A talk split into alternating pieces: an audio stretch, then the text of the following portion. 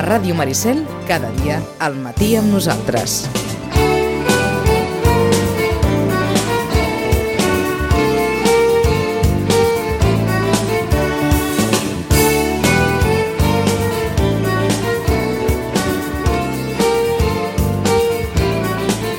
Nou i 46 minuts del matí i avui per allò de les malures primaverals saludem en, en Xachi a través de, vaja, via telefònica. Xachi, bon dia bona hora. Bon dia i bona hora. Una mica més recuperat? Sí, sí, sí, avui sembla ser eh, que ja les coses tornen... El río vuelve a su cauce. Eh, eh, sones més o menys com sempre, eh? O, o, Sí? sempre, o sempre tens la veu de mig malaltís o, o, o veritablement t'has recuperat. Això, això Jo, també jo, podem- crec que, jo crec que és, que és això, eh, que sempre tinc una veu una miqueta així. eh, així de mig. Eh, Sí, de nas, de nas, de, de, del, del canto d'un duro. Avui hem de parlar, avui hem de parlar uh, del calendari festiu. Hem pensat que, home, val la pena val la pena començar perquè en Xatxi ens proposa parlar de l'arbre de maig, de les festes del Pi, del Vall de Sant Crist de Salomó, en definitiva, d'aquest maig tan, tan florit, doncs les flors de maig de l'encel claver ens poden servir per, per començar.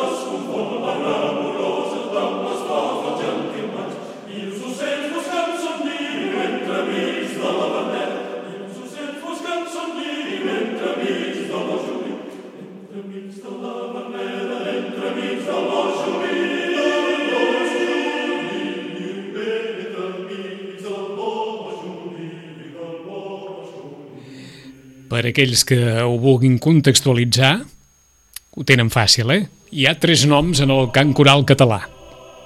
Els tres, vaja, diguem-ne que se venien a mitges, però els tres són allò de, de majúscules i lletres d'or. Clavé, Millet i Enric Morera, els tres. De claver, de l'encem claver, de l'home dels cors de claver, de l'home que va aconseguir que la classe obrera, que els proletaris arribessin a la, a la cultura a través de la música, és aquesta maquíssima flors, flors, flors de maig, que tantes vegades ha, ha sonat i que tantes vegades havien escoltat els avis i les àvies. Hem de començar per l'arbre de maig. Sí, a mi no me'n facis triar un, eh, d'aquests tres, perquè Home. clar, és complicat, eh? Jo em sembla que sí, que en trairia un. No sé, el fenomen social, òbviament, és claver. És claver. El, fenomen, el fenomen burgès és Millet. És Millet i, i, i Morera és, és, popu- és una barreja, no?, també. Ara. Per això em quedaria amb Morera, em sembla. Molt probablement, eh? Però vaja, dels Tot i, tres... que, tot i que a nivell popular, clar, Millet és l'Orfeu català, també, sí, eh? poca broma. sí, sí.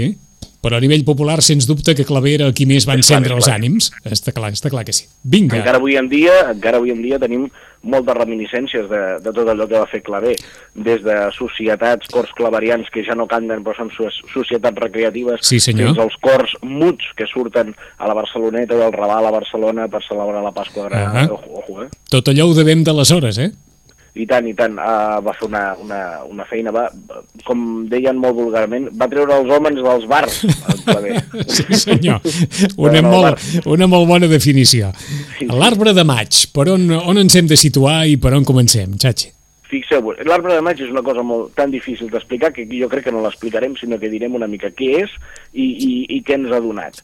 Uh, l'arbre de maig és una dansa, en el, en el context més ampli que pugueu entendre del que és una dansa, és a dir, uh, és eh, gairebé una categoria dins les danses que està extesa per tot el món. És que trobem exemples per tot el món. Hi ha pintura, hi ha, hi ha, hi ha, hi ha mostres per tot el món que ens ensenyen aquesta dansa al voltant, amb, amb unes cintes lligades a un arbre. No cal anar gaire lluny de, de les nostres comptades, ens hem de quedar a casa per trobar, per exemple, el Ball de Gitanes. Ahà. Sí que és un ball parlat, però que agafa la, una, un, una manera de dansar i una coreografia que té les reminiscències de la- de l'arbre de maig, simplement perquè hi ha al, al mig un pal, no? aquí li diem l'estaquirot, eh, o a vegades al cap d'encer o vés a saber, com, com li diuen en molts llocs, eh, envoltat d'unes cintes i això el fa que ens recordi molt ràpidament i que sigui l'arbre de maig.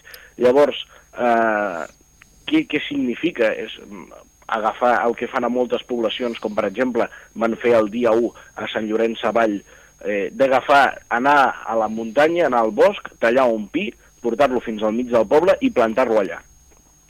Eh, és tan fàcil com això. Què significa? Doncs significa agafar un pi, portar-lo i plantar-lo per, arribar, per l'arribada de la primavera, per una simple festa estacional, no?, que podríem dir. Totes les festes van lligades d'alguna manera al temps eh, que els hi toca viure, eh, i quan el, dic el temps que els hi toca viure no dic l'any 2007, sinó dic el mes de maig, Sí. i per tant el més ocorrent és que una festa que lloa eh, una, una figura de la natura com podria ser un pi, al cap i a la fi faci una, faci una alegoria això. Tot i que de festes del Pi en podem trobar tot arreu. Uh, ara Igualada la faran el dia 21, si no m'erro, però eh, en podem trobar durant tot l'any perquè s'han anat movent aquestes coses que passen.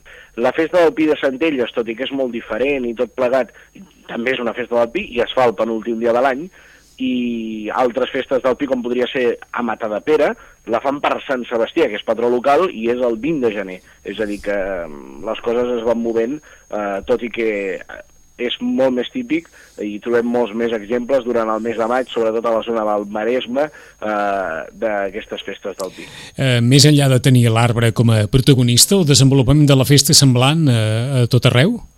Sí, a més és una festa que té com un objectiu eh, èpic, no? que és tallar un pi, fer-lo caure, eh, portar-lo fins al poble, en alguns casos, com per exemple Igualada, el porten a pes durant tot el recorregut, és a dir, que necessiten molta gent per portar-lo, Igualada ho, fan, ho van recuperar fa poc, eh? I, i aleshores el planten. És una festa èpica que té un objectiu que podria no aconseguir-se per alguna inclemència, eh? Vull dir, penseu-hi, que po- podria ser que el pi es trenqués, que, que passessin mil coses. Mhm. I llavors té un, té un, un, un, un toc d'èpica, jo crec que és, que, que és molt xulo. Eh, eh, ens ha cridat l'atenció perquè quan parlaves de l'estaquirot hem Mm. gairebé humanitzat el, el pal perquè més d'un encara el fa servir com a qualificatiu d'algú. Quan parlem Sí, d'algú no? que és com un estaquirot, literalment... Plantat, sí. Exacte, parlem d'algú que no reacciona, d'alguna manera, oi? sí, senyor. El, el, els estímuls. Què són els esparriots? Els esparriots, eh? Aquests dies, fins a, fins a que acabi aquesta setmana, hi ha festa a Figueres, eh? Uh, tot, és una zona de la que gairebé no en parlem mai, no? Eh, tot i que és una zona florida, ara que estem al mes de maig, florida, amb, amb, sobretot en tradició sardanística, eh? al nord de Catalunya, aquesta Girona, eh, aix- això que s'ha posat tan de moda ara dels sudistes i els del nord, perquè tenim un president de Girona, eh, allà... Eh, Eh, han- és, han eh, aguant- eh, ho he escoltat bé, has dit sudistes? els sudistes. Els sí, sudistes. Llobregat, Llobregat a Navall, o fins i tot Massís del Garraf a Navall, som els sudistes. Escolta'm, això és com, això és com l'Amèrica de la Guerra. Una mica així, una mica així. Jo crec que va per aquí. Ah, Jo crec que va aquí. D'acord. Eh, un, dia, perquè- un dia podríem entrar això de les dues Catalunyes, la Catalunya Nova i la Catalunya... Sí. Un dia hi entrarem, va. Però, però en el cas de, de, de l'Empordà i de la Catalunya de les Terres Gironines, que són sí. per més d'un el, el bressol de les essències, pel que fa referència, sobretot a l'àmbit musical o sardanista, sí, eh, però, però de la tradició no podem dir que siguin baluarts, eh? ah Vaja, en el, en el meu... eh, segurament hi ha algú amb, amb, amb més coneixements que m'ho podria rebatre, però jo crec que eh, amb, amb la tradició que vol dir transmetre i la força de la seva gent, crec que no s'ha transmès del tot bé allà el que hi havia. Ahà. Però queden coses molt xules com aquesta que vull explicar del, del, dels esparriots. Uh, a Olot, a Vic, a Figuer i a Figueres tenen unes figures que són uns esparriots. Què vol dir esparriots? Esparriots són com un, és com un petit dimoni que obre pas a les processons. Eh? Una funció que els nostres capgrossos o nans han perdut per complet ah perquè desfilen amb els gegants o formen part també de l'imaginari. A Olot tenen el cap de Lligamosques, a Vic el cap de Llúpia i a Figueres tenen el Berruga, eh? que es pot veure durant aquests dies a Figueres i són uns capgrossos individuals, és a dir, un sol capgros, eh, a mode d'esparriot, és a dir, que va eh, fent espai perquè la gent pugui ballar. Si algú ha anat a Santa Tecla Tarragona, allà ho fan uns, personatges vestits de diables, eh, o de dimonis, més ben dit, que obren pas a, a la, als diferents balls. És una cosa molt interessant que, a més, a la zona del Penedès ho hem perdut molt, els esparriots. els esparriots. N'havíem tingut per això. És molt possible que a les És molt possible. hagués algun, algun personatge que obrís pas, segurament un dimoni. I a Vall Hi ha de un Sant... altre, hi ha un sí. altre molt curiós, tot i que està fora de la zona, que també volíem comentar, que és a Mollà. A Mollà tenen el Pollo, que és un personatge molt pintoresc, eh, amb la cara tapada per, una, per un sac i tal, que porta un conill mort, eh, que és amb el que juga a fer l'espai mentre eh, les danses s'executen. És a dir, una persona amb el rostre amb la cara tapada per un sac i que porta un conill mort. Un conill mort a la mà eh, i, amb, i amb això fa espai. És, és molt curiós, és molt curiós. No, no, és evident que espai n'ha de fer, perquè la imatge, Sí, sí. eh, la imatge és potent, eh, tal com l'expliques. és potent, els nens s'espanten. Sí. bueno, els nens hi juguen, van i tornen i aquestes coses.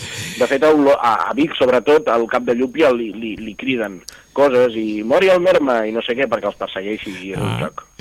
Del nord anem al sud, a Salomó, al Vall del Sant Crist.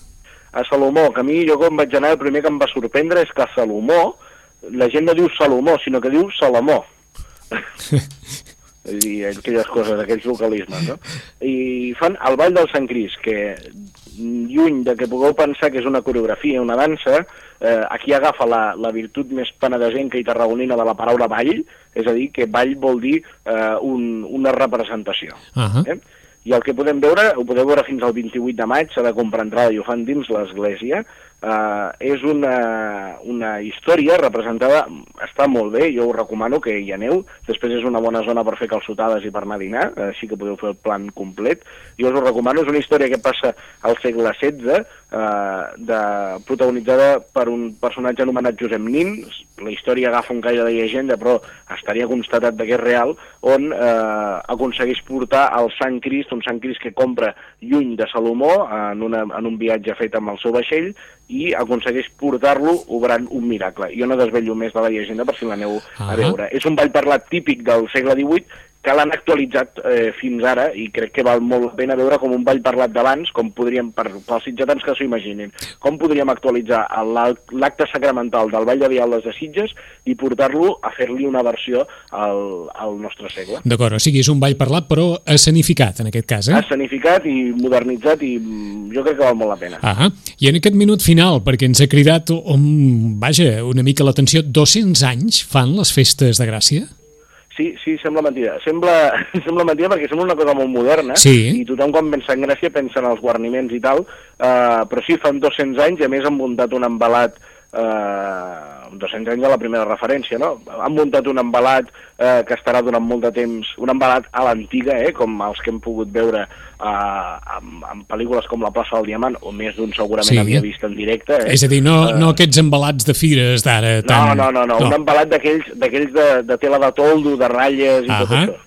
Eh? I l'han muntat i a més es pod jo suposo que es podran reviure grans moments. I jo quan van dir muntem un embalat allà a Gràcia i tal, a part de molts més actes que es faran, ostres, em va venir ràpid al cap aquella cançó de la plaça del, del Diamant, Sí. no? de, del Montaner, m'equivoco, què és? Eh, És en Montaner, sí senyor. uh, que diu allò de nits de lluna plena, Plena, somnis d'embalat. Aquelles, eh, primeres escenes de l'antiga pel·lícula de la Passa del Diamant. Ah I com va ballar, la, i com va ballar, ja ho diré, la colometa a l'embalat, a l'embalat de Gràcia, amb, amb, amb en Lluís Omar i la, ja ho diré, la Sílvia Amunt, gràcies Albert, com Sílvia estic? Amunt, sí, la senyor. Sílvia Amunt i en, i en Lluís Ara Omar bona escriptora, Eh? bona escriptora i bona guionista, sí senyor. En 15 dies hi tornarem, Xachi. Fins la propera.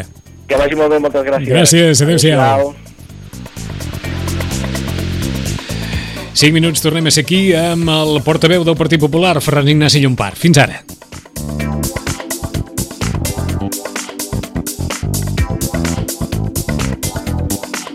A Ràdio Maricel, cada dia, al matí amb nosaltres.